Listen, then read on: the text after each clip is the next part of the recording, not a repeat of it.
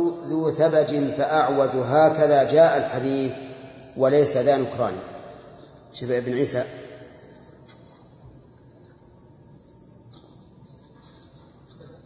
ها؟ اي وش معناه؟ شو وصف قال تعالى بدأ شاء بدأ شاء يقول هنا الثبت والحركة وصف الشيء ومضمره قال الله تعالى إنا أرسلناهن نساء فجعلناهن أبكارا ضربا أترابا لأصحاب اليمين. سلة من الأولين وسلة من الآخرين وسلة جماعة التي لا يصلها عدد. قال الزجاج معنى سلة لا لم يفهم ثبت معناه الوسط إي يقول وسط؟ الشيء ومضمره إيه طيب. الله هذه يقول المؤلف ولقد أتى ولقد أتى أثر بأن الفضل في الطرفين أعني أولا والثاني وذكرنا وجه ذلك. والوسط ذو ثبج فأعوج. هكذا جاء الحديث. وليس ذا نكران. فمن يأتي لنا بلفظ الحديث ويخرجه. هذا عبد المنان. اكتب.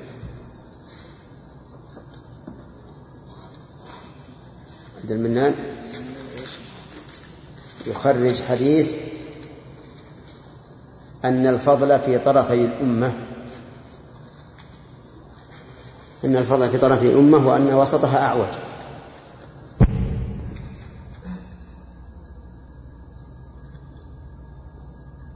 ثم قال المؤلف ولقد أتى في الوحي مصداق له في الثلتين. نعم. ولقد أتى في الوحي مصداق له في الثلتين وذاك في القرآن.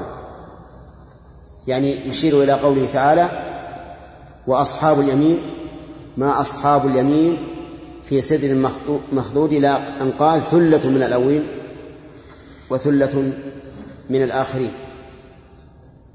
أهل اليمين فثلة مع مثلها والسابقون أقل في الحسبان. السابقون السابقون قال الله فيهم ثلة من الأولين وقليل من الآخرين. وإذا جمعنا هاتين الآيتين بعضهما إلى بعض تبين أن أول الأمة أفضل من آخرها وأن أفضل من وسطها. هكذا؟ لأن الله قال ثلة من في أصحاب اليمين ثلة من الأولين وثلة من الآخرين. وقال في السابقين ثلة من الأولين وقليل من الآخرين. إذن ثلة الآخرين ثلة السابقين. لأن الله قال ثلة من الأولين وقليل من الآخرين. قال ما ذاك؟ ما ذاك إلا أن تابعهم هم الغرباء ليست غربة الأوطان. إنها بين عسى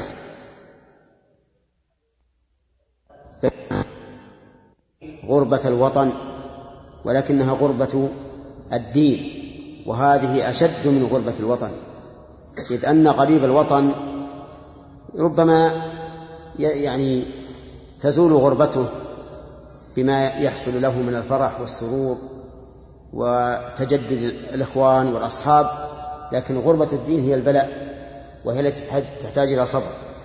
لكنها والله غربة قائم بالدين بين عساكر الشيطان فلذاك شبههم به متبوعهم في إيش؟ في الغربتين عندي بالفاء.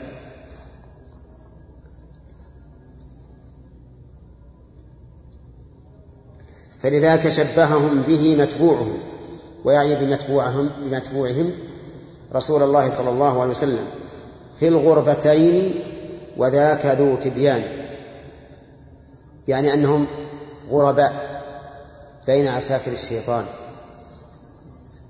كما شبههم النبي عليه الصلاة والسلام. قال بدا الإسلام غريبا وسيعود غريبا فطوبى للغرباء. إذن الغربة في أول الإسلام والغربة في آخر الإسلام. فأهل الإسلام غربة في الأول وغربة في الثاني. ولهذا قال شبههم به متبوعهم في الغربتين وذاك ذو تبيان. لم يشبهوهم في جميع أمورهم من كل وجه ليس يستويان. يعني أن الغرباء في الثاني لا يشبهون الغرباء في الأول من كل وجه بل ليس يستويان. فانظر إلى تفسيره الغرباء بال إيش؟ بالمح... بالوحيين.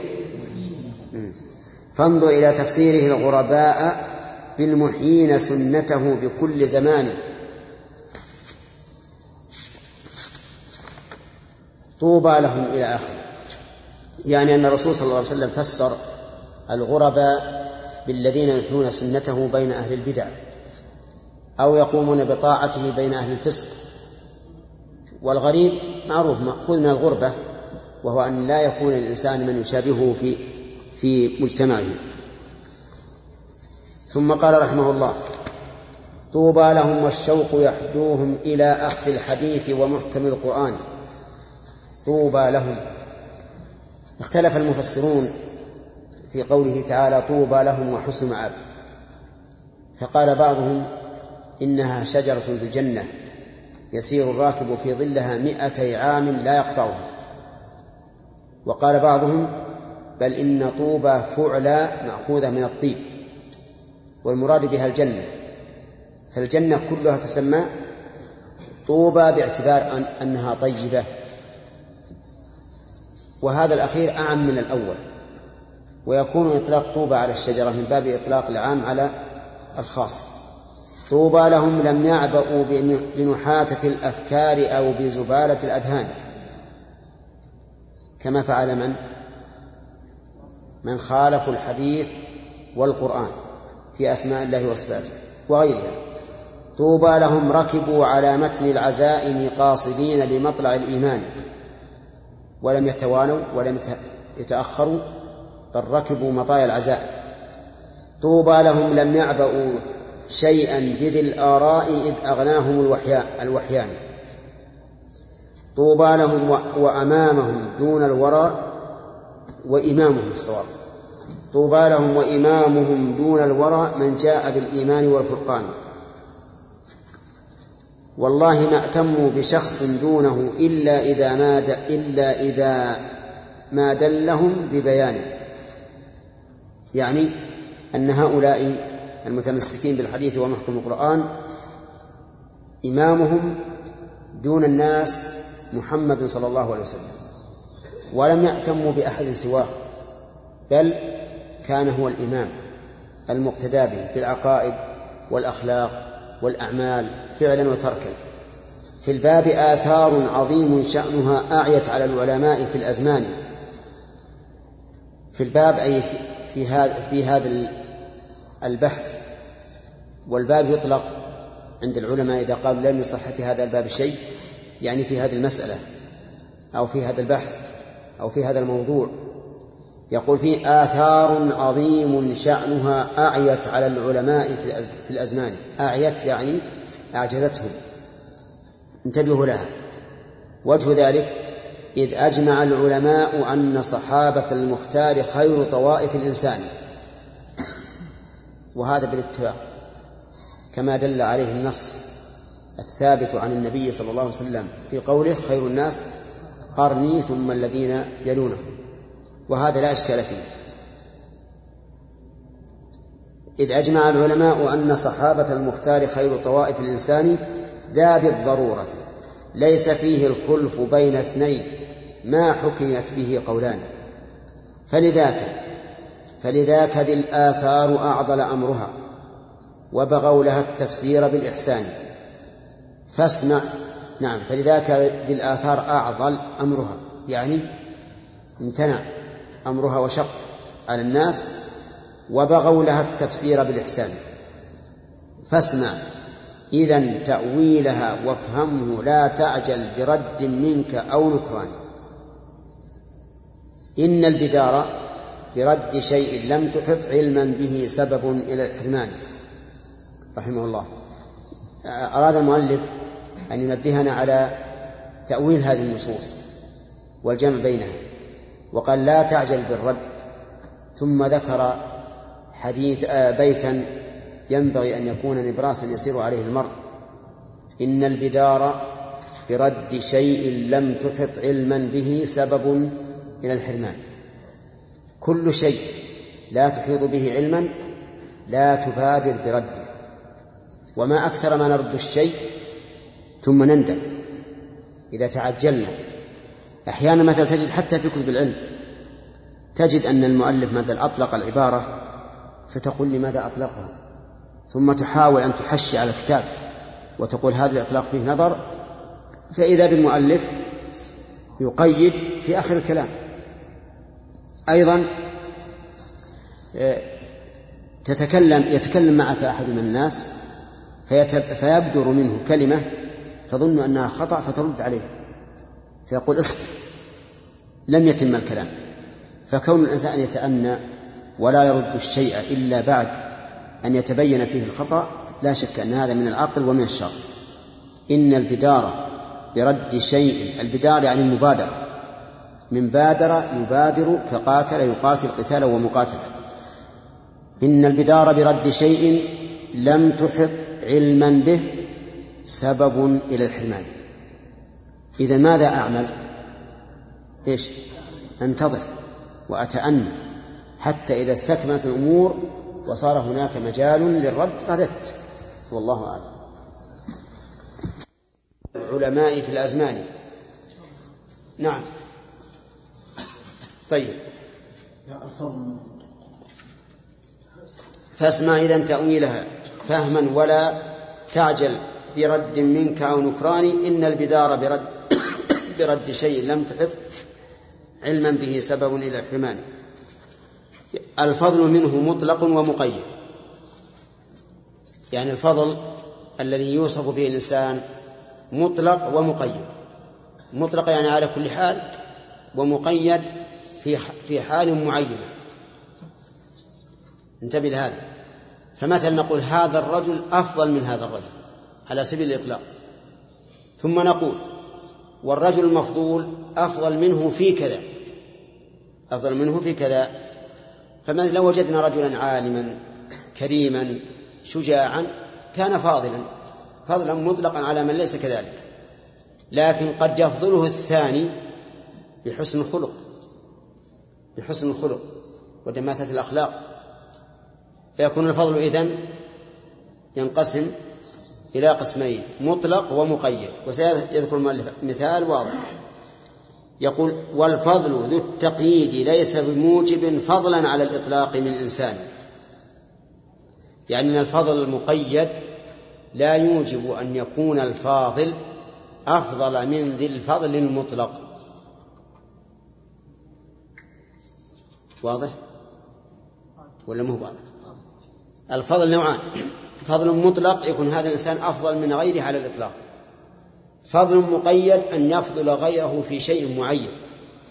فهل إذا فضل الإنسان غيره في شيء معين يستلزم أن يكون أفضل منه على الإطلاق؟ لا. ولهذا قال والفضل ذو التقييد ليس بموجب فضلا على الإطلاق من إنسان. يعني ليس بموجب فضلا على من فضله مطلق. لا يوجب التقييد أن يقضى له بالاستواء فكيف بالرجحان؟ صحيح. يعني أن الفضل المقيد لا يوجب أن يكون مساويا لذي الفضل المطلق فضلا عن أن يكون إيش؟ أرجح منه وأعلى منه. ولقد صدق. الآن مثلا نحن نقول التابعون أفضل من تابع التابعين على الإطلاق. لكن قد يوجد في تابع التابعين من هو أفضل من كثير من التابعين لكنه فرد معين. كذلك الفضائل في شخص معين قد يكون هذا الرجل له فضائل عديدة فيكون أفضل من غيره على الإطلاق ويكون غيره له خاصية أفضل من الأول. وهذا لا يجب أن يكون الثاني أفضل على الإطلاق. يقول إذ كان ذو الإطلاق حاز من الفضائل فوق ذي التقييد بالإحسان. هذا تعيين لقوله فكيف بالرجحان إذ كان يعني لأن لأن ذا الإطلاق حاز من الفضائل فوق ذي التقييد بالإحسان. صح ولا لا؟ فمثلا هذا له مئة فضيلة وهذا له فضيلة واحدة لا توجد في ذي المئة. الأول نسميه فضلا مطلقا والثاني مقيدا. هل هل الذي هل هذا الذي اختص بفضيلة لا توجد عند صاحب الفضائل الكثيرة؟ هل يوجب أن يكون أفضل من الأول؟ لا. فإذا فرضنا فإذا فرضنا واحدا قد حاز نوعا لم يحزه فاضل الإنسان لم يوجب التخصيص من فضل عليه ولا مساواة ولا نقصان. واضح. طيب. ما خلق آدم؟ باليدين بموجب فضلا على المبعوث بالقرآن. هذا من من أوضح الأمثلة. آدم عليه الصلاة والسلام امتاز بفضيلة لم تكن لغيره. ما هي؟ أن الله خلقه بيده الكريمة. هل هذه الفضيلة توجب أن يكون أفضل من محمد؟ لا. لأن فضل محمد مطلق وفضل آدم مقيد. بشيء معين. فلا يوجب أن يكون هذا المقيد مساويا أو راجحا على هذا الفضل المطلق. وكذا خصائص من أتى من بعده من كل رسل الله بالبرهان فمحمد أعلاهم فوقا. وما حكمت لهم بمزية الرجحان طيب. أيضا من بعد آدم لهم خصائص ليست لمحمد عليه الصلاة والسلام. موسى يلقي العصا فتكون حية ومحمد لم يحصل له ذلك. إبراهيم ألقي في النار وخرج سالما ومحمد لم يحصل له ذلك. عيسى يقف على القبر فيخرج صاحب القبر حيا ومحمد لم يحصل له ذلك. أليس هكذا؟ طيب هل هذا يوجب أن يكون هؤلاء الرسل الكرام الذين خصوا بهذه الفضائل أفضل من محمد؟ لا لماذا؟ لأن الفضل هذا مقيد بفضيلة واحدة ليس كمن كان فضله على الإطلاق انتقل المؤلف بعد هذا التقرير إلى قوله نعم. فالحائز الخمسين أجرا لم يحزها في جميع شرائع الإيمان. الحائز من يعني به خمسين أجرا؟ الذي عمل في آخر الزمان في زمان الغربة. له أجر خمسين واحد من الصحابة. لم يحزها على الإطلاق. بل على التقييد في هذا الزمن زمن الغربة. ولكن هل هذا الفضل المقيد يستلزم أن يكون أفضل ممن حازوا الفضائل في بدر؟ لا. ولهذا قال هل حازها في بدر أو أحد أو الفتح المبين وبيعة الرضوان؟ ها. لا. ولا نعم. وراه كيف كلمتكم لا؟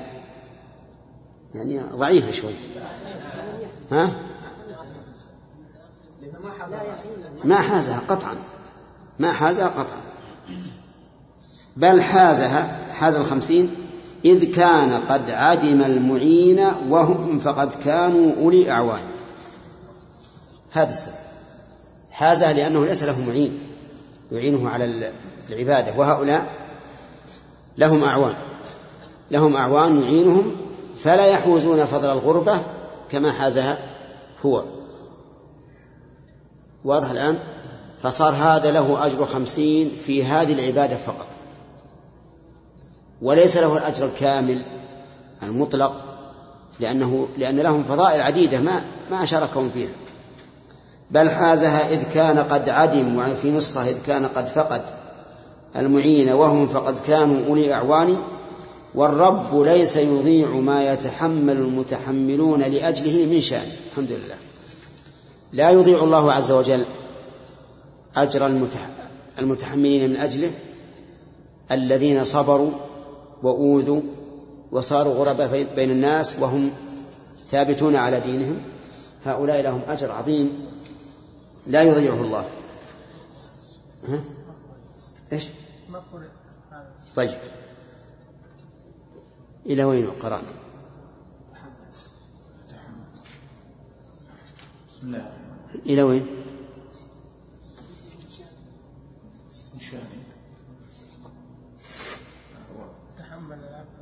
يعني من هذا؟ طيب.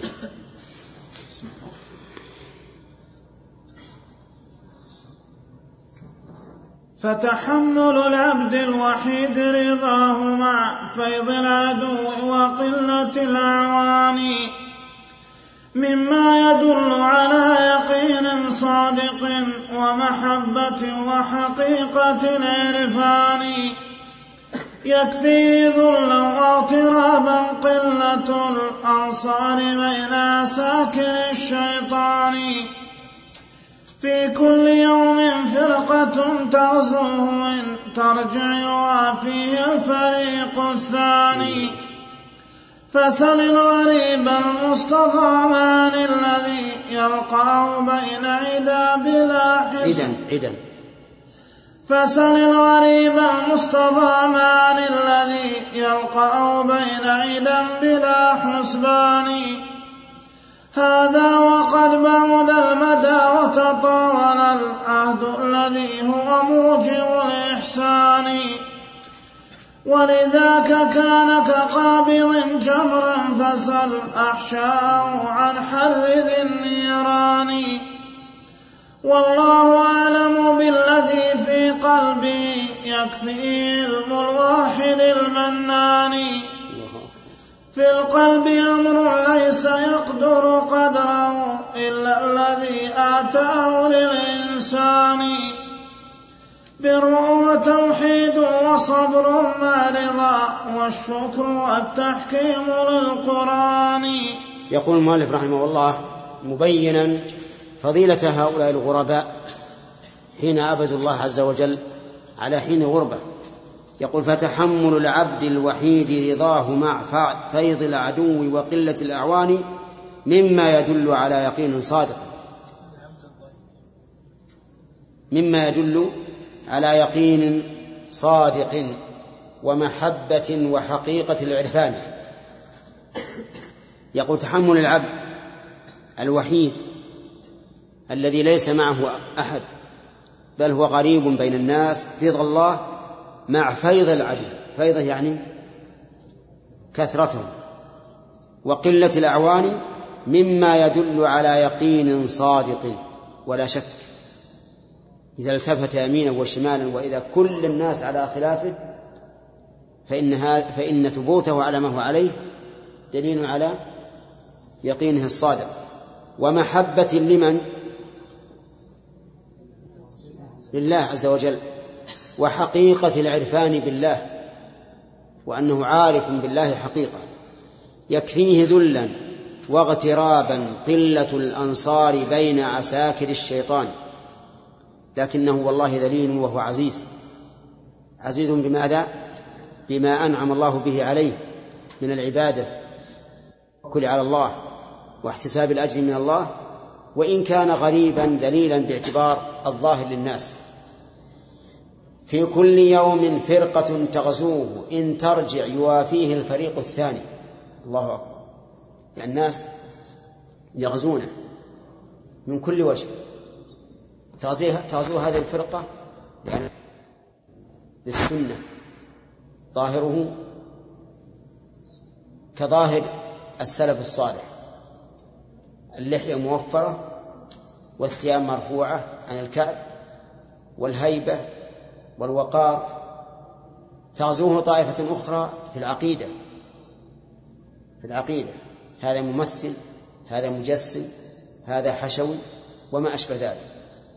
تغزوه فرقة من جهة الأخلاق وترك اللغو والبعد عن ضياع الوقت فيكون هذا منعزل منطوي على نفسه لا خير فيه. المهم أن الفرق فرق الشياطين شياطين الإنس تغزوه من كل جانب وهو مستعين بالله ثابت. فسل الغريب المستضام الغريب يعني ما الذي ليس معه أحد المستضام المضيق عليه. عن الذي يلقاه بين عدا بلا حسبان. عدا جمع عدو بلا حسبان. هذا وقد بعد المدى وتطاول العهد الذي هو موجب الإحسان. بعد المدى وتطاول العهد أي العهد بينه وبين عهد الرسول عليه الصلاة والسلام. لأنه كلما قرب العهد من زمن الرسالة فإنه يكون أقوى إيمانا وأصح إسلاما. وكلما بعد الناس عن عهد الرسالة فبالعكس. نعم. ولذاك كان كقابض جمرا فسل أحشاءه عن حر ذي النيران. الرجل القابض على جمر ماذا يجد من الحر؟ يجد حرا لا يعلمه إلا الله. والله أعلم بالذي في قلبه يكفيه علم الواحد المنان. في القلب أمر ليس يقدر قدره إلا الذي آتاه للإنسان. فما هذا الأمر؟ يقول بر وتوحيد وصبر ورضا وشكر وتحكيم القرآن. ستة أشياء. بر ليس بر الوالدين بل البر من آمن بالله واليوم الآخر كما ذكر الله عز وجل. نعم. اقرأ. ما يخالف ما بقي إلا لا الوحيد نعم إيه، صح إيش؟ وين؟ إيه؟ الغريم لا بالباء نعم سبحان قاسم فضله بين العباد فذاك نور سبحان قاسم فضله بين العباد فذاك مول الفضل والإحسان. فالفضل عند الله ليس بصورة الأعمال بل بحقائق الإيمان. وتفاضل الأعمال يتبع ما يقوم بقلب صاحبها من البرهان. حتى يكون العالمان كلاهما في رتبة تبدو لنا بعيان هذا وبينهما كما بين السماء والأرض في فضل وفي رجحان. ويكون بين ثواب ذا وثواب ذا رتب مضاعفة بلا حسبان. الله هذا عطاء الرب جل جلاله وبذاك تعرف حكمة الرحمن. تعرف تعرف, تعرف. هذا عطاء الرب جل جلاله وبذاك تعرف حكمة الرحمن. الديان عندكم؟ يمكن نسخة لا بأس. جمعه نسخة.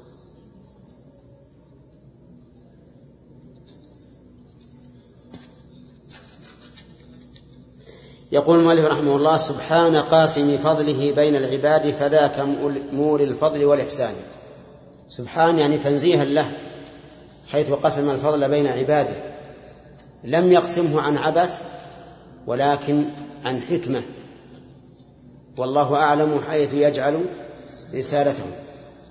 يقول فالفضل عند الله ليس بصورة الأعمال بل بحقائق الإيمان. إي والله. الفضل بحقائق الإيمان لا بصورة الأعمال. الصورة على اسمها صورة. ولهذا انظر إلى الخوارج كفرة وهم يصلون أحسن مما نصلي ويصومون ويتصدقون ويذكرون الله كثيرا. وصورة أعمالهم أحسن من صورة أعمالنا. كما قال النبي عليه الصلاة والسلام يحقر أحدكم صلاته عند صلاته. ومع ذلك هم من أبعد الناس عن رب العالمين. نسأل الله العافية. المنافق. وإن يقولوا تسمع لقولهم من حسنه. وهم أبعد الناس عن الإيمان. يقول تفاضل الأعمال يتبع ما يقوم. نعم. فالفضل عند الله ليس ليس بصورة الأعمال بل بحقائق الإيمان. وتفاضل الأعمال يتبع ما يقوم بقلب صاحبها من البرهان. اللهم حقق لنا هذا البرهان حتى يكون العاملان يعني حتى تجد العاملين كلاهما في رتبة تبدو لنا بعيان هذا وبينهما كما بين السماء والأرض في فضل وفي رجحان. تجد اثنين يصليان جميعا بين كل واحد والآخر في الفضل في هذه الصلاة كما بين السماء والأرض وذلك لما يقوم بقلب صاحبها من الإنابة إلى الله والإيمان به والصدق والطمأنينة وغير ذلك. ويكون بين ثواب ذا وثواب ذا رتب مضاعفة بلا حسبان. نعم يعمل العاملان العمل الواحد وبينهما في الفضل عند الله والثواب رتب عظيمة متباينة هذا عطاء الرب جل جلاله وبذاك تعرف حكمة الرحمن. نسأل الله أن يعطينا وإياكم من فضله إنه جواد كريم. ضعيف؟ إي نعم. لكن الغريب أنسب للمقام. لأن نتكلم عن الغرباء إي. اي أقول الوحيد أحسن. سلام اذا اعتبر لاغي اعتبر لاغي بسم الله الرحمن الرحيم. بسم الله الرحمن الرحيم فصل فيما أعد الله تعالى في الجنة لأوليائه المتمسكين بالكتاب والسنة. اللهم اجعلنا منهم. يا خاطب الحور الحسان وطالبا لأصالهن بجنة الحيوان. لو كنت تدري من خطبت ومن طلبت بذلت ما تحوي من الأثمان. أو كنت تدري أين مسكنها جعلت السعي منك لا الأجفان. ولقد وصفت طريق مسكنها فإن رمت الوصال فلا تكن بالواني أسرع وحث السير جهدك إنما مسرعك هذا ساعة لزماني. فاشق وحدث بالوصال النفس وابذل مهرها ما دمت ذا إمكان اللهم واجعل صيامك قبل لقياها ويوم الوصل يوم الفطر من رمضان. واجعل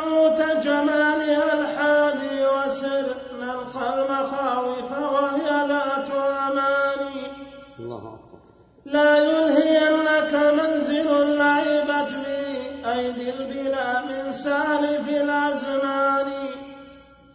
فلقد ترحل عنه كل مسرة وتبدلت بالهم والأحزان. سجن يضيق بصاحب الإيمان لكن جنة المأوى لذي الكفران. سكانها أهل الجهالة والبطالة والسفاهة أنجس السكان وألذهم عيشا فجاهلهم بحق. فأجهله. فأجهله.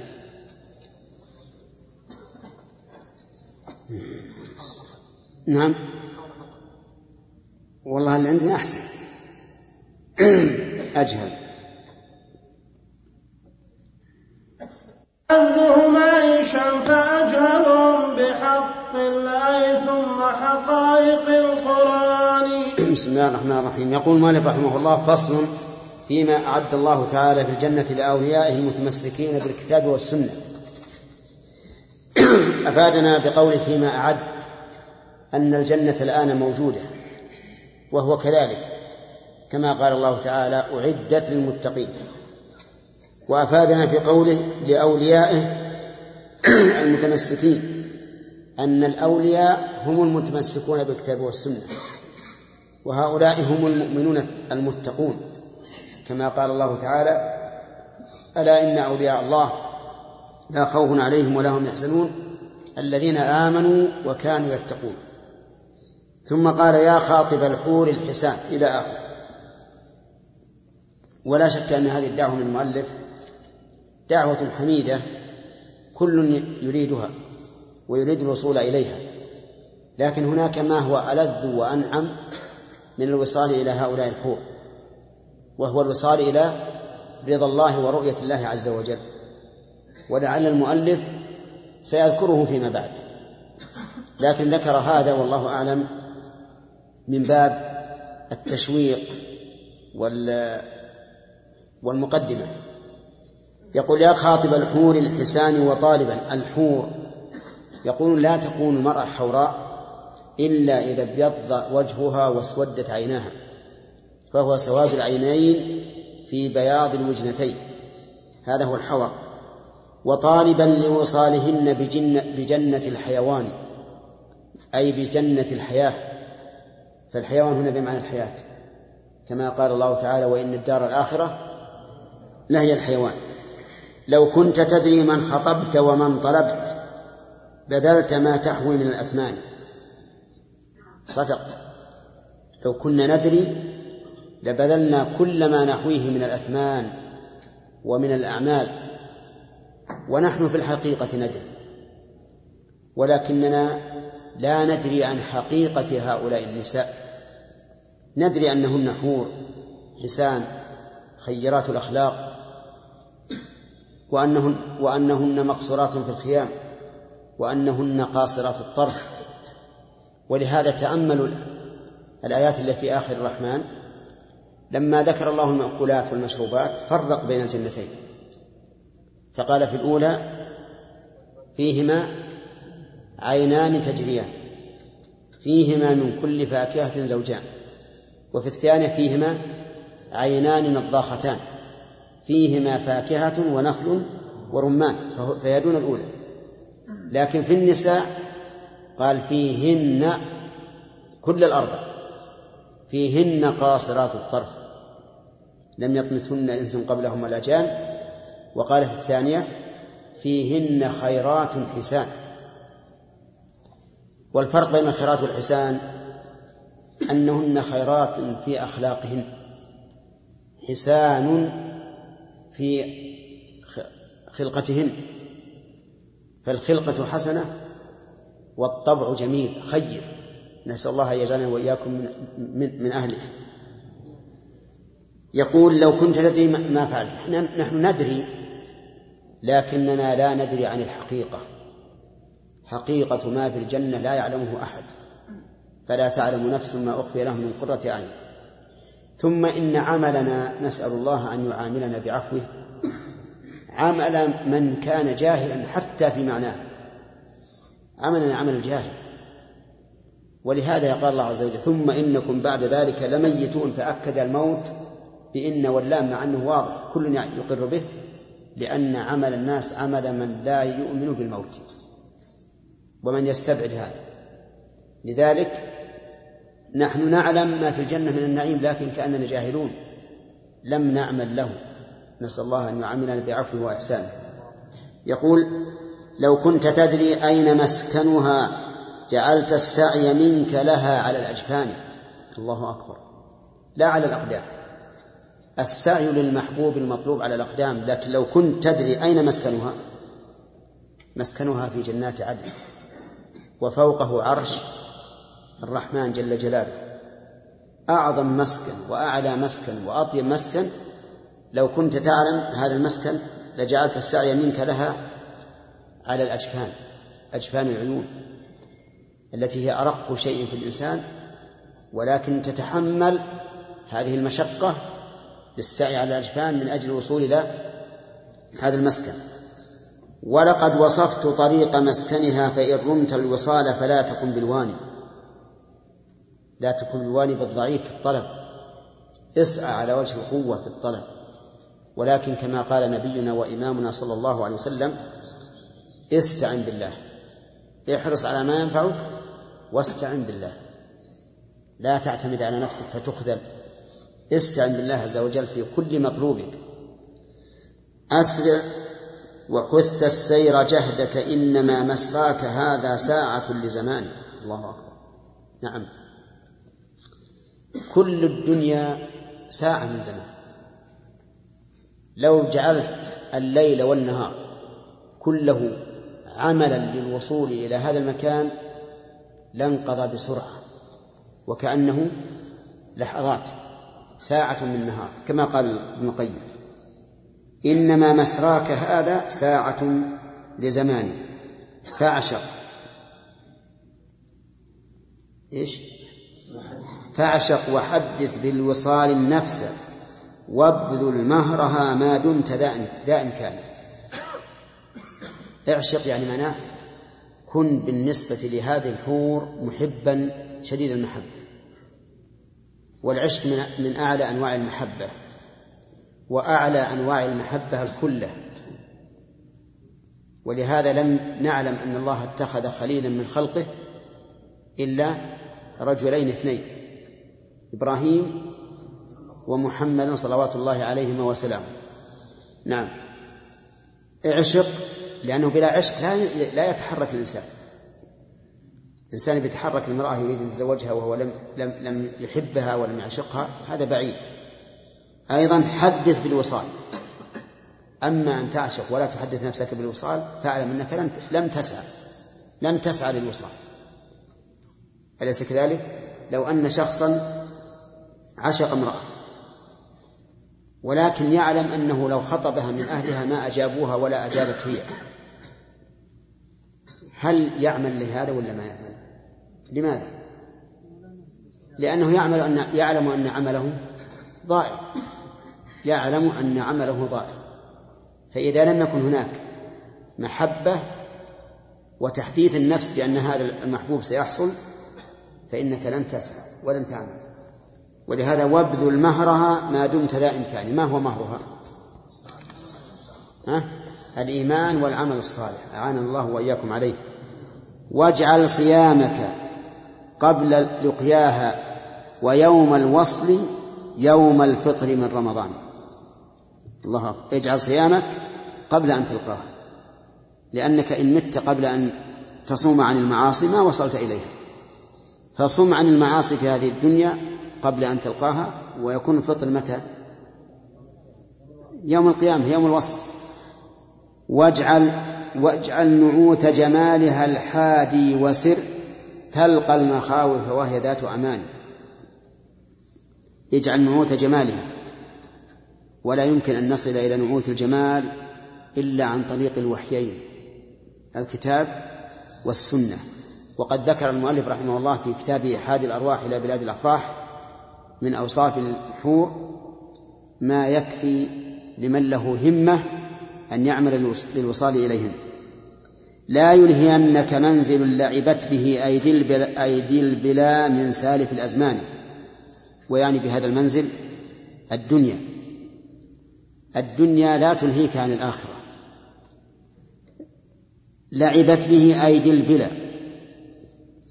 البلا يعني الفنا والتلف لعبت به من سالف الأزمان أي مما مضى.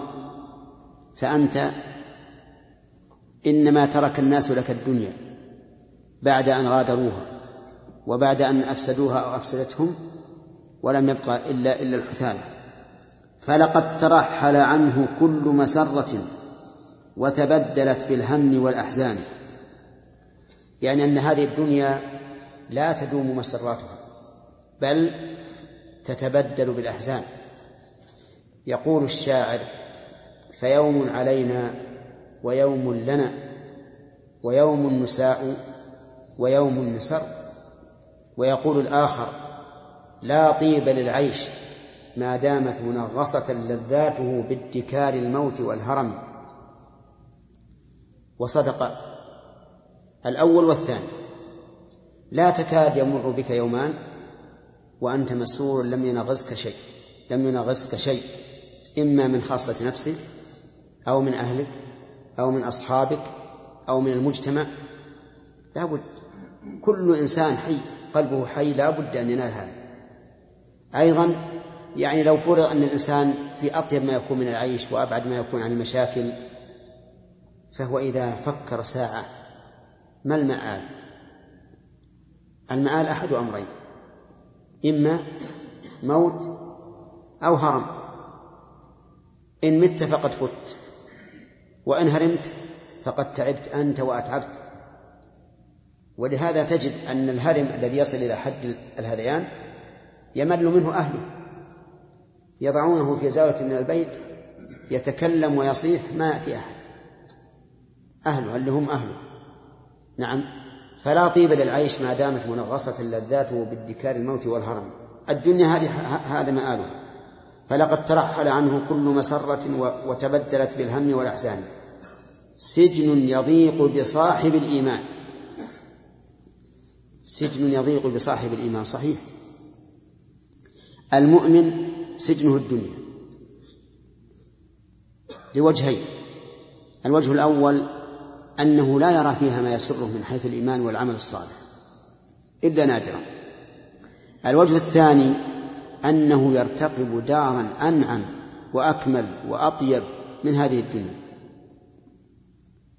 أليس كذلك؟ نعم. يقول الله تعالى الذين توفاهم الملائكة طيبين يقولون سلام عليكم ادخلوا الجنة. في حال الموت يتوفون طيبين اللهم اجعلنا منهم. وتقول لهم الملائكة سلام عليكم ادخلوا الجنة الآن. ولهذا إذا وضع الإنسان في قبره وسئل انفتح له أبواب إلى الجنة. ف... فهذه الدنيا سجن المؤمن لا شك. وهي يقول وجنة لكن جنة المأوى لذي الكفران. يعني الدنيا جنة للكافر جنة لأنها بالنسبة لما يلقاه من من العذاب نعم جنة. ولأن الكافر لا يتقيد بشيء كل شيء حلال. يزني ويسرق ويشرب الخمر ويلبس الحرير وكل شيء. منعم النفس. فهي فهي له جنة ولكن للمؤمن سجن. يقال إن قاضي القضاة كما يصفونه بن حجر رحمه الله كان قاضي القضاة في مصر. وكان إذا أتى من بيته إلى العمل أو إلى ذهب يمين وشمالا يركب العربة. العربة في ذلك الوقت بمنزلة سيارة الكادلك عندنا. نعم. أعلى شيء من أوصاف الحور ما يكفي لمن له همة أن يعمل للوصال إليهن لا يلهينك منزل لعبت به أيدي البلا, أيدي البلا من سالف الأزمان. ويعني بهذا المنزل الدنيا. الدنيا لا تلهيك عن الآخرة. لعبت به أيدي البلا البلا يعني الفنا والتلف. لعبت به من سالف الأزمان أي مما مضى. فأنت إنما ترك الناس لك الدنيا بعد أن غادروها وبعد أن أفسدوها أو أفسدتهم ولم يبقى إلا إلا الحثالة. فلقد ترحل عنه كل مسرة وتبدلت بالهم والأحزان. يعني أن هذه الدنيا لا تدوم مسراتها بل تتبدل بالأحزان. يقول الشاعر فيوم علينا ويوم لنا ويوم نساء ويوم نسر ويقول الآخر لا طيب للعيش ما دامت منغصة لذاته بادكار الموت والهرم. وصدق الأول والثاني. لا تكاد يمر بك يومان وأنت مسرور لم ينغصك شيء لم ينغصك شيء إما من خاصة نفسك أو من أهلك أو من أصحابك أو من المجتمع. لا بد كل إنسان حي قلبه حي لا بد أن ينال هذا. أيضا يعني لو فرض أن الإنسان في أطيب ما يكون من العيش وأبعد ما يكون عن المشاكل فهو إذا فكر ساعة ما المآل؟ المآل أحد أمرين إما موت أو هرم. إن مت فقد فت وإن هرمت فقد تعبت أنت وأتعبت. ولهذا تجد أن الهرم الذي يصل إلى حد الهذيان يمل منه أهله. يضعونه في زاوية من البيت يتكلم ويصيح ما يأتي أحد. أهله اللي هم أهله. نعم. فلا طيب للعيش ما دامت منغصة لذاته بادكار الموت والهرم. الدنيا هذه هذا مآلها. فلقد ترحل عنه كل مسرة وتبدلت بالهم والأحزان. سجن يضيق بصاحب الإيمان. سجن يضيق بصاحب الإيمان صحيح. المؤمن سجنه الدنيا. لوجهين. الوجه الأول أنه لا يرى فيها ما يسره من حيث الإيمان والعمل الصالح إلا نادرا. الوجه الثاني أنه يرتقب دارا أنعم وأكمل وأطيب من هذه الدنيا. أليس كذلك؟ نعم. يقول الله تعالى الذين توفاهم الملائكة طيبين يقولون سلام عليكم ادخلوا الجنة. في حال الموت يتوفون طيبين اللهم اجعلنا منهم. وتقول لهم الملائكة سلام عليكم ادخلوا الجنة. الآن.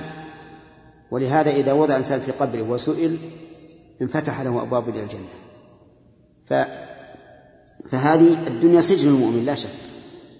وهي يقول وجنة لكن جنة المأوى لذي الكفران. يعني الدنيا جنة للكافر. جنة لأنها بالنسبة لما يلقاه من من العذاب. نعم جنة. ولأن الكافر لا يتقيد بشيء كل شيء حلال. يزني ويسرق ويشرب الخمر ويلبس الحرير وكل شيء. منعم النفس. فهي فهي له جنة ولكن للمؤمن سجن. يقال إن قاضي القضاة كما يصفونه بن حجر رحمه الله كان قاضي القضاة في مصر. وكان إذا أتى من بيته إلى العمل أو إلى ذهب يمين وشمالا يركب العربة. العربة في ذلك الوقت بمنزلة سيارة الكدلك عندنا. نعم؟ أعلى شيء. سيارة العربة تجره البغال أو الخيل ويحيط الناس به. فمر ذات يوم برجل زيات من اليهود يهودي زيات يبيع الزيت. كل ثيابه مدنسة بالزيت وسخة فأوقفه. اليهودي أوقف الحافظ بن حجر قال تعال. إن نبيكم يقول إن الدنيا سجن المؤمن وجنة الكافر. وأنت الآن فيما أنت فيه من النعيم في الدنيا. وهو اليهودي فيما هو فيه من العذاب. عذاب زيات. قال نعم صدق رسول الله. ما أنعم به من الدنيا هو بالنسبة لنعيم الآخرة السجن. وما أنت فيه من البؤس في الدنيا هو بالنسبة لعذاب الآخرة نعيم. قال صحيح؟ قال نعم. قال أشهد أن لا إله إلا الله وأن محمد رسول الله. نعم. سبحان الله. وهذا هو الحق. الدنيا سجن المؤمن وجنة الكافر. نعم. يقول سكانها أي سكان الدنيا أهل الجهالة والبطالة والسفاهة أنجس السكان. الله يرحمه. هو يأخذ بالعموم دائما. سكان الدنيا يقول أهل الجهالة. ليس عندهم علم. أهل البطالة ليس عندهم عمل. أهل السفاهة ليس عندهم حكمة. سفهاء. أنجس السكان ليس فيهم طهارة. رحمه الله. لكن لعله يريد سكانها الذين آثروها على على الآخر. الذين آثروها على الآخر. يجب أن يكون هذا مراده. لأنه لا يريد سكان الدنيا. سكان الدنيا فيها الأنبياء فيها الصديقون فيها الشهداء فيها الصالحون. لكن يريد سكانها الذين آثروها على على الآخرة لا شك. وألذهم عيشا فأجهلهم بحق الله ثم حقائق القرآن. هذا ألذهم عيشا. الجاهل بالله وبحقائق الإيمان هذا ألذه لأنه ميت قلبه. قلبه ميت لا يبحث في أسماء الله ولا في صفات الله ولا في أحكام الله ولا في الإيمان ولا في الأعمال. بهيمة بل هو أضل من البهيمة. نعم. كل الناس عملهم يعملون للآخرة عمل الجاهل فهل هذا حتى العلماء يعني عملهم عمل جاهل؟ عمل جاهل؟ يعني عمل الآخرة؟ لا. العلماء هم عمل عمل جاهل. العلماء على اسمهم علماء. يعملون للآخرة ما هم يعلمونها لكنهم يجهلون حقائقها. حقائق ما في الآخرة مين معلومة لنا؟ هنا. نعم كيف هذا قوله عليه الصلاه والسلام ان ان الدنيا سجن المؤمن وبين قوله تعالى من عمل صالحا من ذكر أو انثى وهو مؤمن فلنحيينه حياه طيبه. إي نعم. صحيح.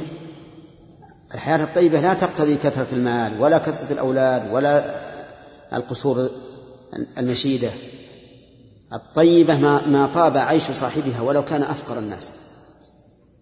ولهذا لم يقل الله عز وجل من عمل صالحا من ذكر أو أنثى وهو مؤمن فلنرزقنه.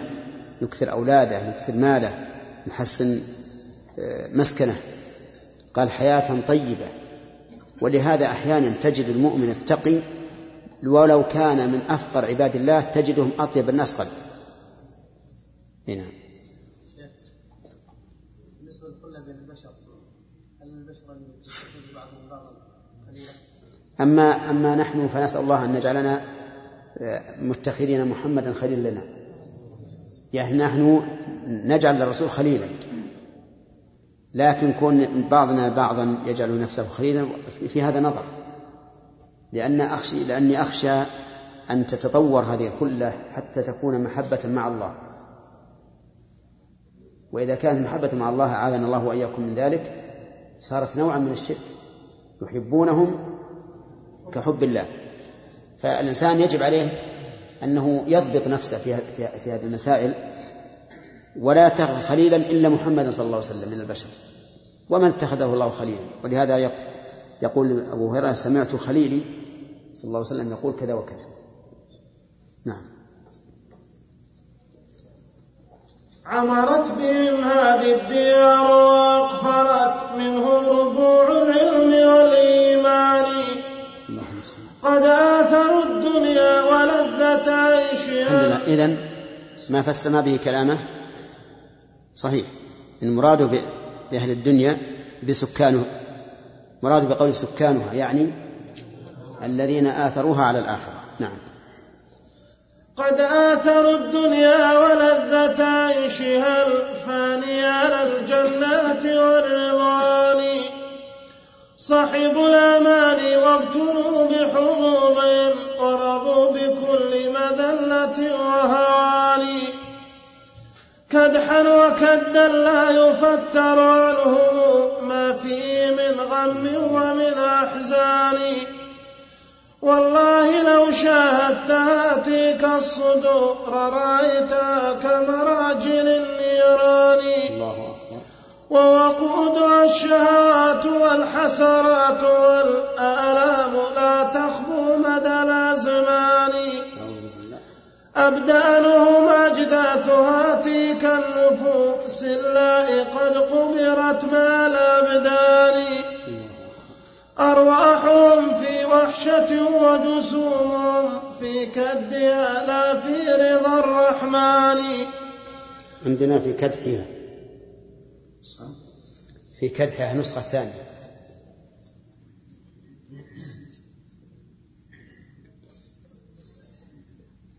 كدها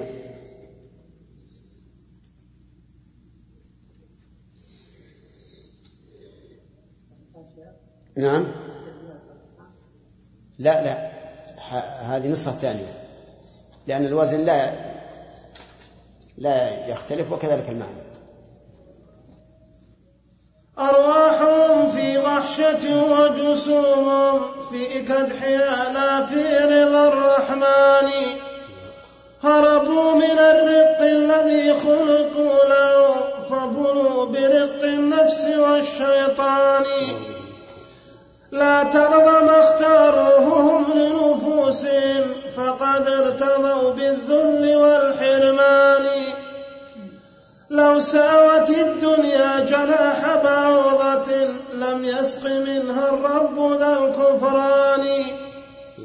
لكنها والله أحقر عنده من ذا الجناح القاصر الطيران ولقد تولت بعد على أصحابها فالسعد منها حل بالدمران.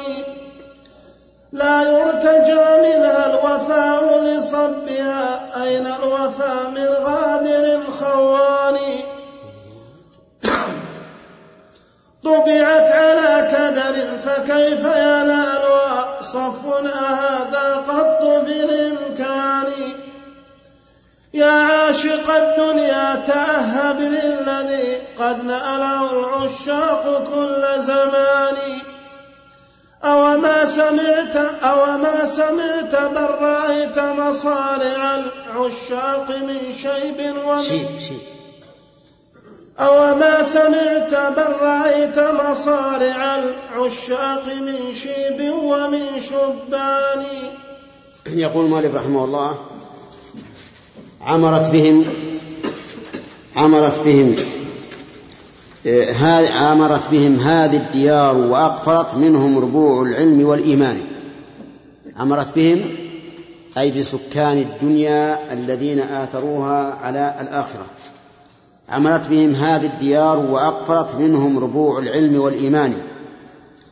قد آثروا الدنيا ولذة عيشها عيشها الفاني على الجنات والرضوان. ولذلك لا يهمهم العمل الصالح ولا الإيمان وإنما يهمهم لذاتهم في هذه الدنيا. صحبوا الأمان وابتلوا بحظوظهم. ورضوا بكل مذلة وهوان. يعني أنهم عاشوا على الأمان. وقد قال النبي صلى الله عليه وسلم العاجز من أتبع نفسه هواها وتمنى على الله الأمان. ومن ذلك أن منهم من إذا نصحته وقلت له اتق الله أد ما عليك قال الله غفور رحيم الله غفور رحيم. أو تلا عليك هذه الآية إن الله لا يغفر أن يشرك به ويغفر ما دون ذلك لمن يشاء. نعم. وكأنه لم يفهم قوله لمن يشاء. لأننا نقول له ما الذي أعلمك أنت أنك ممن شاء الله أن يغفر له؟ إن الله يقول إن الله لم يقل ويغفر ما دون ذلك فقط. فنقول نعم افعل ما شئت إلا الشرك. لكن قال يغفر ما دون ذلك لمن يشاء حسب ما تقتضيه حكمته ولست أنت على جزم بأنك ممن يغفر له فأنت متمن على الله الأماني. نعم. لا مذلة. غلط غلط إيه. ورضوا بكل مذلة وهوان. كدحا وكدا لا يفتر عنهم ما فيه من ما فيه من غم ومن ومن أحزان.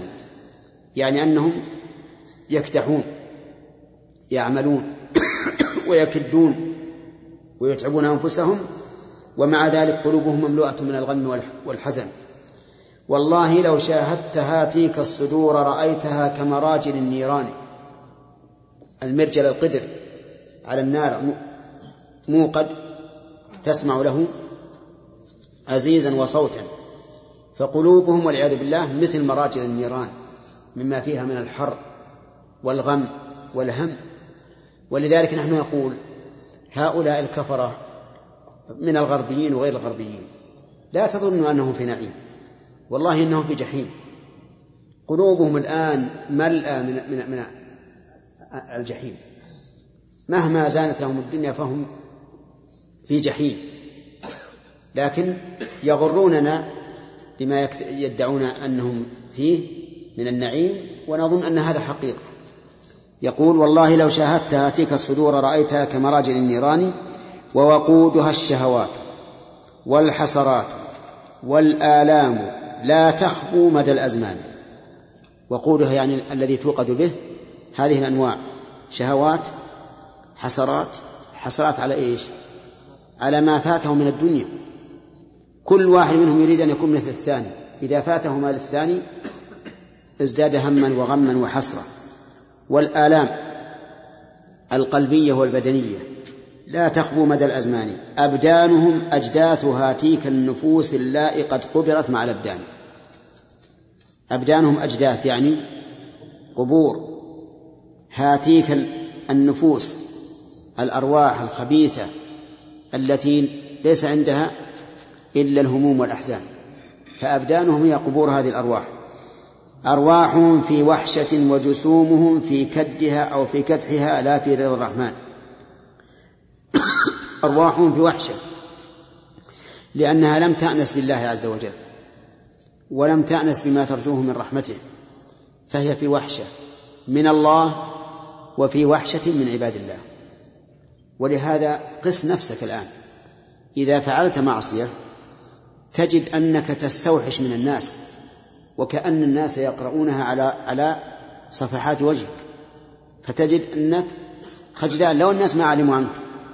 حتى لو كنت في بيت مظلم لا يعلم بك أحد إذا فعلت المعصية فإنك تخجل من الناس. وكأنك إذا شاهدتهم كأنما تقول إنهم يقرؤونها في جبينك. فهم لأدب الله أجسامهم في وحشة. نعم. أرواحهم في وحشة وجسومهم في كدحها لا في الرحمن. هربوا من الرق الذي خلقوا له وبلوا برق النفس والشيطان. هذا البيت لو كتب بماء الذهب لكان رخيصا. هربوا من الرق الذي خلقوا له. ما هو الرق الذي خلقنا له؟ الرق لله عز وجل. أن نكون عبيد الله ونسأل الله يجعلنا عبيدا له. وبلوا برق النفس والشيطان. صاروا عبيدا لنفوسهم وللشيطان. أتستبدلون الذي هو أدنى بالذي هو خير. هربوا من الرق الذي يعتبر حرية لهم. وهو عبودية الله إلى رق الشيطان الذي هو الذل والخسارة في الدنيا والآخرة. لا ترضى ما اختاروه ما اختاروه هم لنفوسهم فقد ارتضوا بالذل والحرمان نعم العاقل لا يرضى بما رضيه هؤلاء لنفوسهم وإنما يرضى بما رضيه الرسل وأتباعهم. جعلنا الله وإياكم منهم. لو ساوت الدنيا جناح بعوضة لم يسق منها الرب ذا الكفران. كما جاء في الحديث. لو أن الدنيا تساوي عند الله جناح بعوضة ما سقى منها كافرا شربة ماء لأن الكافر ليس أهلا مع أن الله ينعم الكافر في الدنيا لأنها ليست شيئا عند الله. لكنها والله أحقر عنده من ذا الجناح القاصر الطيران. أحقر عند الله من من جناح البعوضة نعم. ولهذا تجد إذا صلى الإنسان ركعتي الفجر صار ذلك خيرا من الدنيا وما فيها. كل الدنيا منذ خلقت إلى أن تفنى. هاتان ركعتان خير منها. كم تستوعب الركعتان من الزمن؟ خمس دقائق بوضوئها بالوضوء. خمس دقائق تساوي الدنيا كلها من أولها إلى آخرها. إذن الدنيا لا تساوي شيئا عند الله. لا تساوي شيئا عند الله عز وجل. ولقد تولت بعد عن أصحابها فالسعد منها حل بالدبران. تولت عن أصحابها حقيقة أو حكما. حقيقة لا أنا أقول كله. حقيقة إذا كان صاحبها فقيرا. عندنا لما كنا صغارا نضرب مثل إذا صار الإنسان مال حظ قالوا هذا مثل فقير النصارى. لا دنيا ولا دين. نعم؟ فهي تولت عن أصحابها حقيقة إذا كانوا لم ينعموا فيها أو حكما إذا كانوا قد نعموا فيها. لأنهم سيفارقون هذا النعيم عن قرب. طيب. لا يرتجى منها الوفاء لصبها. صبها أي محبها. أين الوفاء من غادر الخوان الجواب؟ لا يوجد. الغادر الخوان لا يمكن أن يفي لك. طبعت على كدر فكيف ينالها صفو؟ أهذا قط في الإمكان؟ الجواب؟ لا. ما دام طبعت طبيعتها الكدر كيف تصفو؟ وكان شيخ الإسلام رحمه الله يتمثل كثيرا بهذين البيتين. طبعت على كدر وأنت تريدها صفوا من الأقدار والأكدار ومكلف الأيام ضد طباعها متطلب في الماء جدوى نار. بيتان عظيمان يسلي بها الإنسان نفسه. نعم يقول طبعت على كدر وأنت تريدها صفوا من الأقدار والأكدار ومكلف الأيام ضد طباعها متطلب في الماء جذوة نار اللي يتطلب في الماء جذوة نار إيش؟ ها؟ ما يمكن ما يجي شيء حط جذوة النار في الماء تطفى ما تبقى أبدا. يقول يقول صاحب الفروع رحمه الله وكان شيخنا يتمثل بهذين البيتين كثيرا. شيخه من؟ ابن تيمية رحمه الله. ولقد نال من الكدر. نعم. ما ما ما لم ينله أحد من الناس إلا قليلا. لكن هذا الكدر الذي ناله رحمه الله صار صفوا. صار صفوا. صار إماما للناس إلى اليوم. إلى اليوم الناس يقتدون به ويأخذون بأقواله. رحمه الله وألحقنا وإياكم به وبالصالحين. يقول طبعت على كدر فكيف ينالها صفو أهذا قط في الإمكان؟ يا عاشق الدنيا تأهب للذي قد ناله العشاق كل زمان. ما هو؟ الموت. تأهب لهذا. لو بقيت ما بقيت في الدنيا في الرحيل. أو ما سمعت بل رأيت مصارع العشاق من شيب ومن شبان. الجواب أو ما رأيت. بلى ولا لا؟ بلى. رأينا. رأينا الدنيا يموت فيها الشايب ويموت فيها الشباب ويموت فيها الكهول ويموت فيها الأغنياء ويموت فيها الفقراء.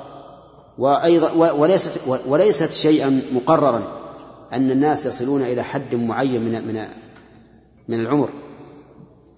تجد الرجل يدفن أولاده وأولاد أولاده ويبقى حيا. أو بالعكس. وهذا شيء مشاهد. ولهذا لما قال أو ما سمعت؟ قال بل رأيت. والرؤية أبلغ من السماع. وصدق. نحن نرى ونسمع مصارع الناس من شيب ومن شبان. وأنهم لن يبقوا في هذه الدنيا. أحسن الله لنا ولكم الخاتمة اللهم صل على محمد.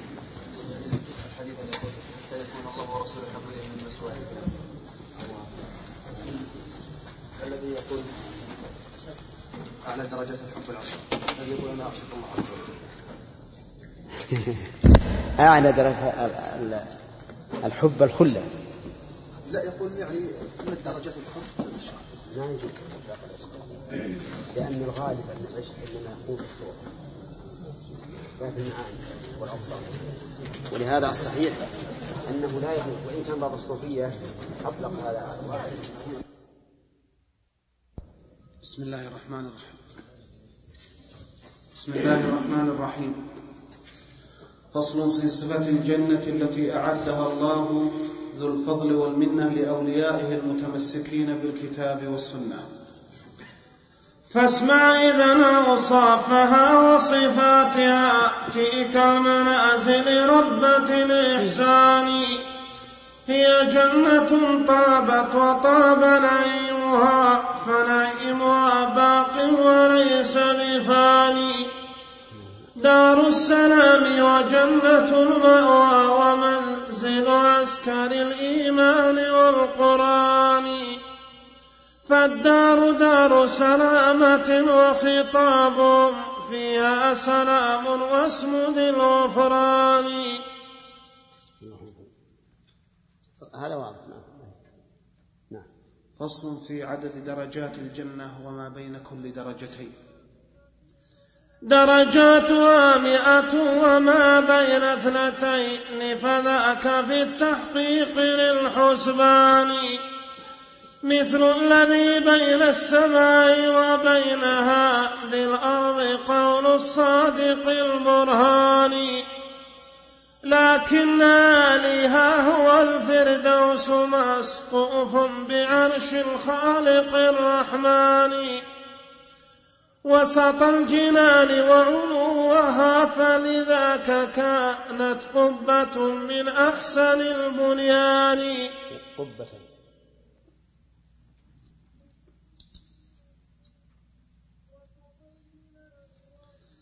وسط الجنان وعلو وسط الجنان وعلوها فلذاك كانت قبة من أحسن البنيان.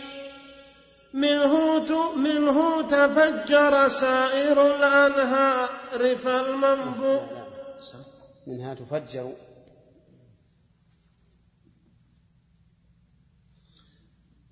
منها منه. منه. عندكم منها؟ لا منه منها. منها؟ حطها نسخة. نسخة ها؟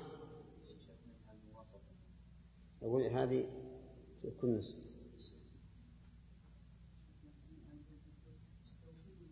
مسقوف. لا مسقوف.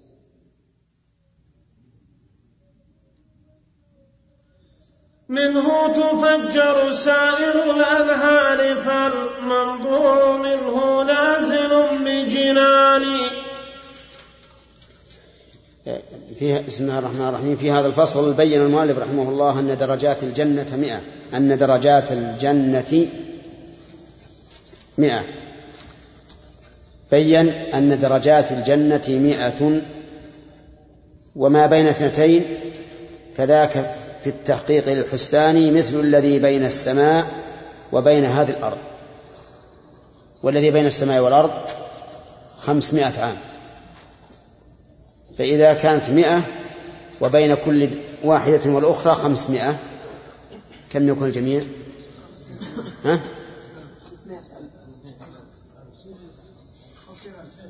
خمسين ألف. هي أربعة أصفار وخمسة. خمسين ألف. طيب. لكن عاليها هو الفردوس. مسقوف بعرش الخالق الرحمن. مسقوف يعني أن سقفه عرش الله عز وجل. وعرشه سبحانه وتعالى على سماواته مثل القبة. قبة يعني الخيمة. يقول وسط الجنان يعني هو وسط الجنان. وعلوها فلذاك كانت قبة من أحسن البنيان. يعني كانت الفردوس جعلنا الله وإياكم من أهلها هي مثل القبة. فوقها العرش عرش الرب عز وجل. ومنها تفجر سائر الأنهار. فالمنبوع منه نازل بجنان ينزل. لأن هذه أعلى درجات الجنة. يريد تحقيق أن درجاتها مئة وأن بين كل درجة وأخرى كما بين السماء والأرض. أشرف.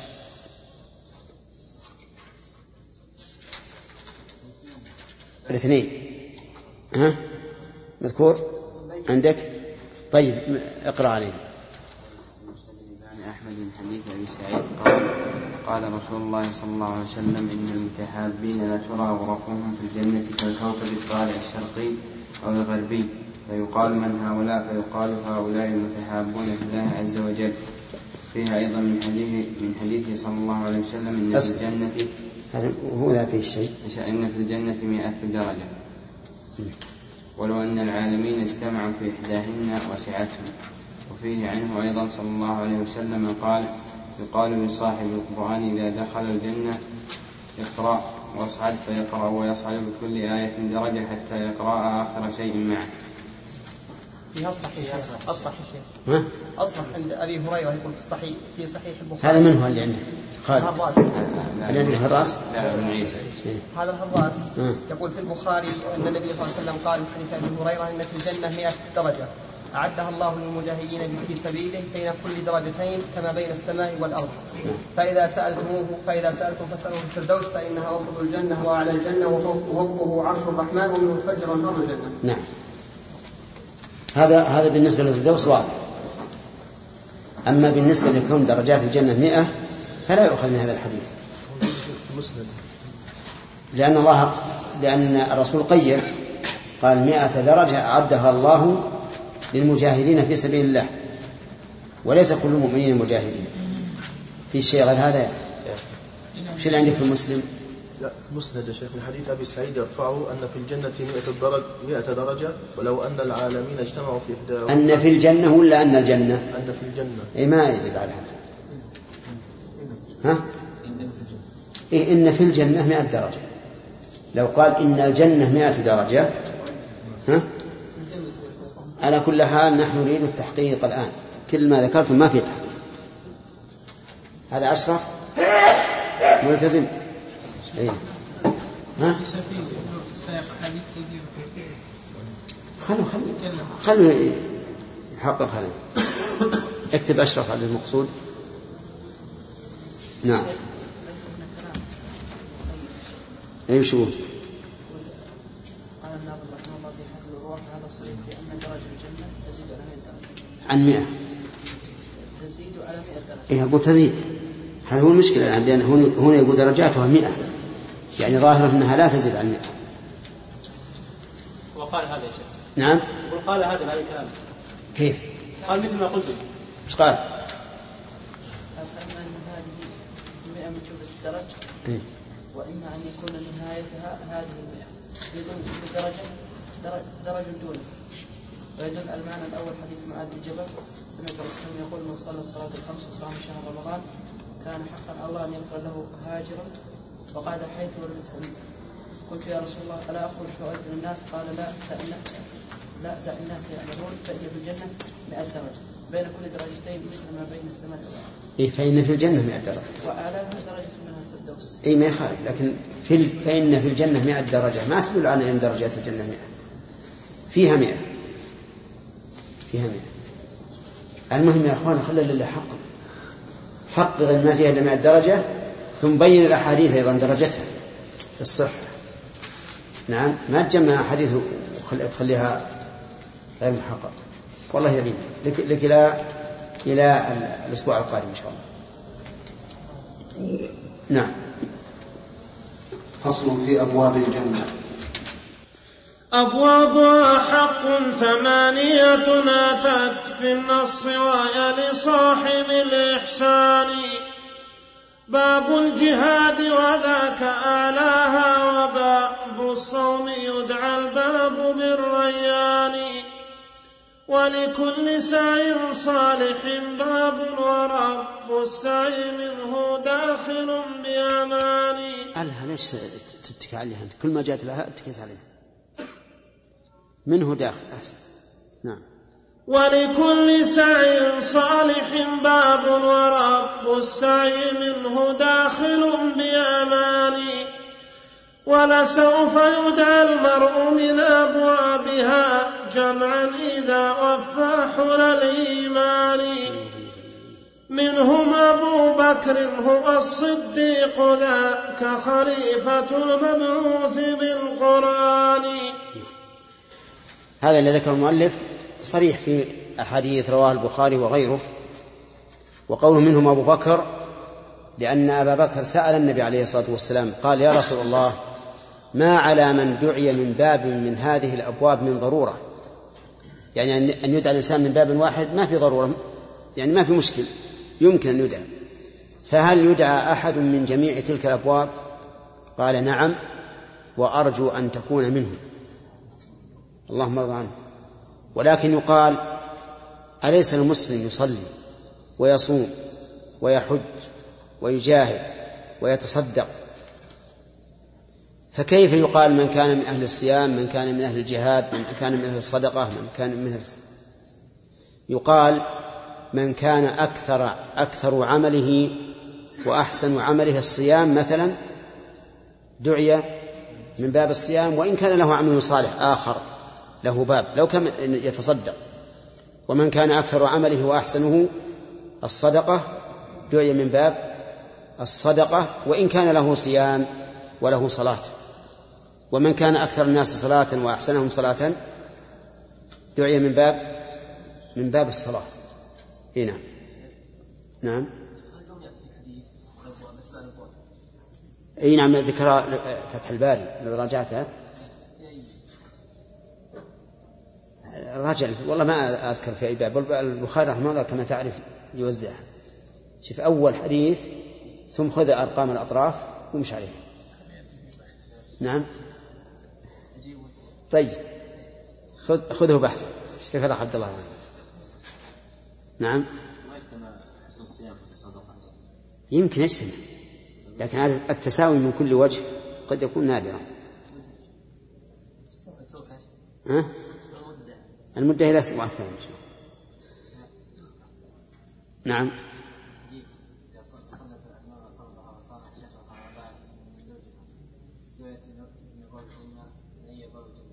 نعم. الحث الحث على القيام بهذه الحقوق بهذه الحقوق. مثل أيضا إذا توضأ الإنسان وأسبغ الوضوء وقال أشهد أن لا إله إلا الله فتحت له أبواب الجنة الثمانية يدخل من أيها شاء. من هذا النوع؟ أن من عمل عملا صالحا يستحق.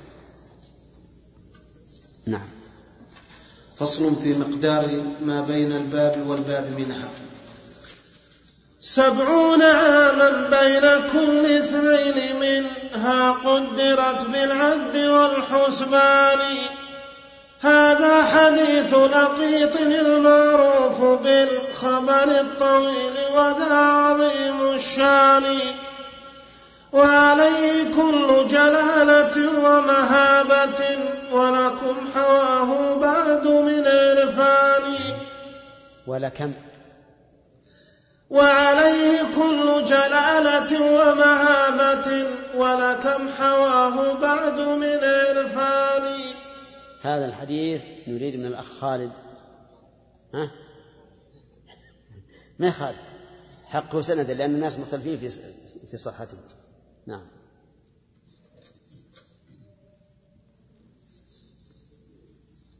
فصل في مقدار ما بين مصراعي الباب الواحد منها. لكن بينهما مسيرة أربعين رواه حبر الأمة الشيباني. في مسند بالرفع وهو لمسلم و في مسند بالرفع وهو لمسلم وقف كمرفوع بوجه ثاني. ولقد روى تقديره بثلاثة أيام روي, روي. ولقد روي.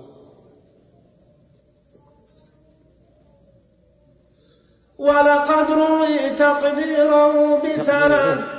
تقديره الضم ولقد روي تقديره بثلاثة أيام لكن عند ذي العرفان. أعن البخاري الرضا أعن البخاري الرضا هو منكر. منكر.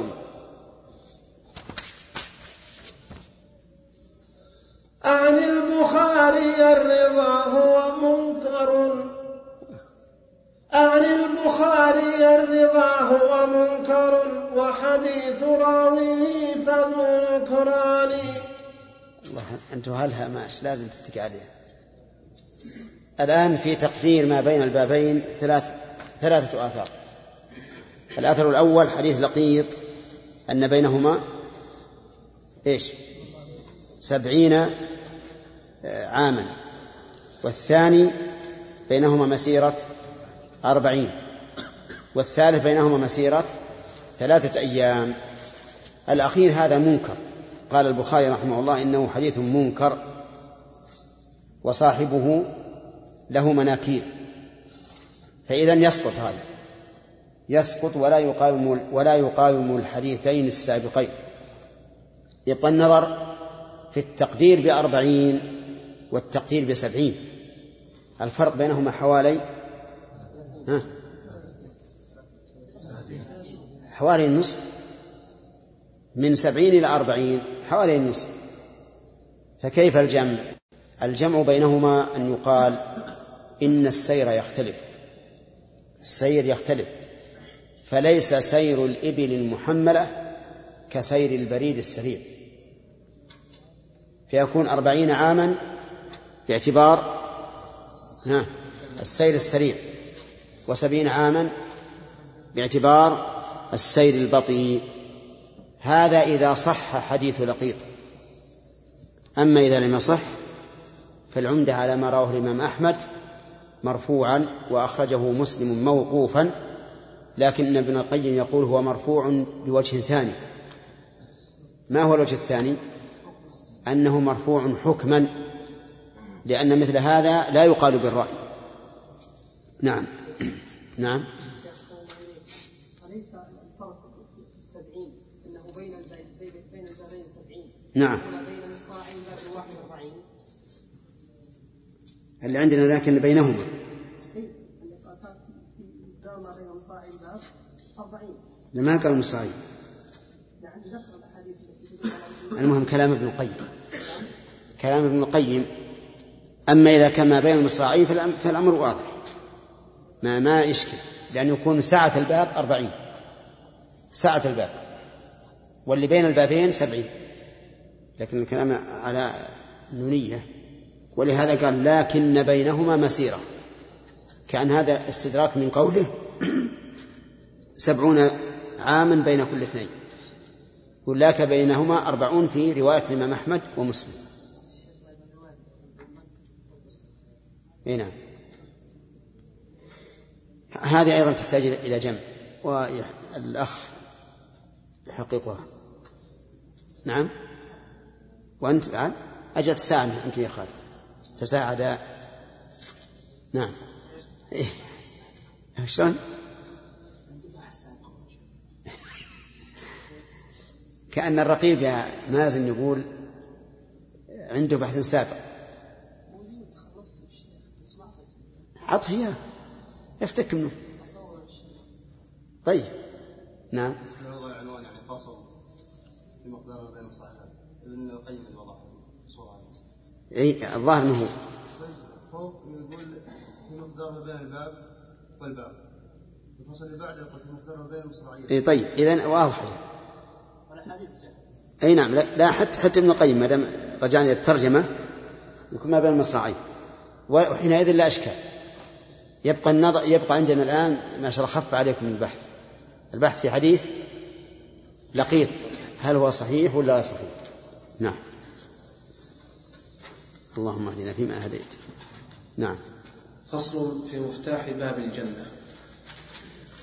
هذا وفتح الباب ليس بممكن إلا بمفتاحنا لا أسنان مفتاحه بشهادة الإخلاص والتوحيد تلك شهادة الإيمان. أسنانه الأعمال وهي شرائع الإسلام والمفتاح بلا. مفتاح. أسنانه الأعمال وهي شرائع الإسلام والمفتاح بالأسنان لا تلغين هذا المثال فكم به من حل إشكال لذي العرفان. لما ذكر أبوابها رحمه الله ذكر مفتاح هذه الأبواب. مفتاح الجنة لا إله إلا الله. فقال المرجئة مفتاح الجنة لا إله إلا الله ولا دخل للأعمال في ذلك. وقال السلف إن المفتاح لا يفتح إلا بأسنان وأسنانه شرائع الإيمان فمن جاء بالصلاة والزكاة والصيام والحج وشرائع الإسلام فتح له ومن لا فلا.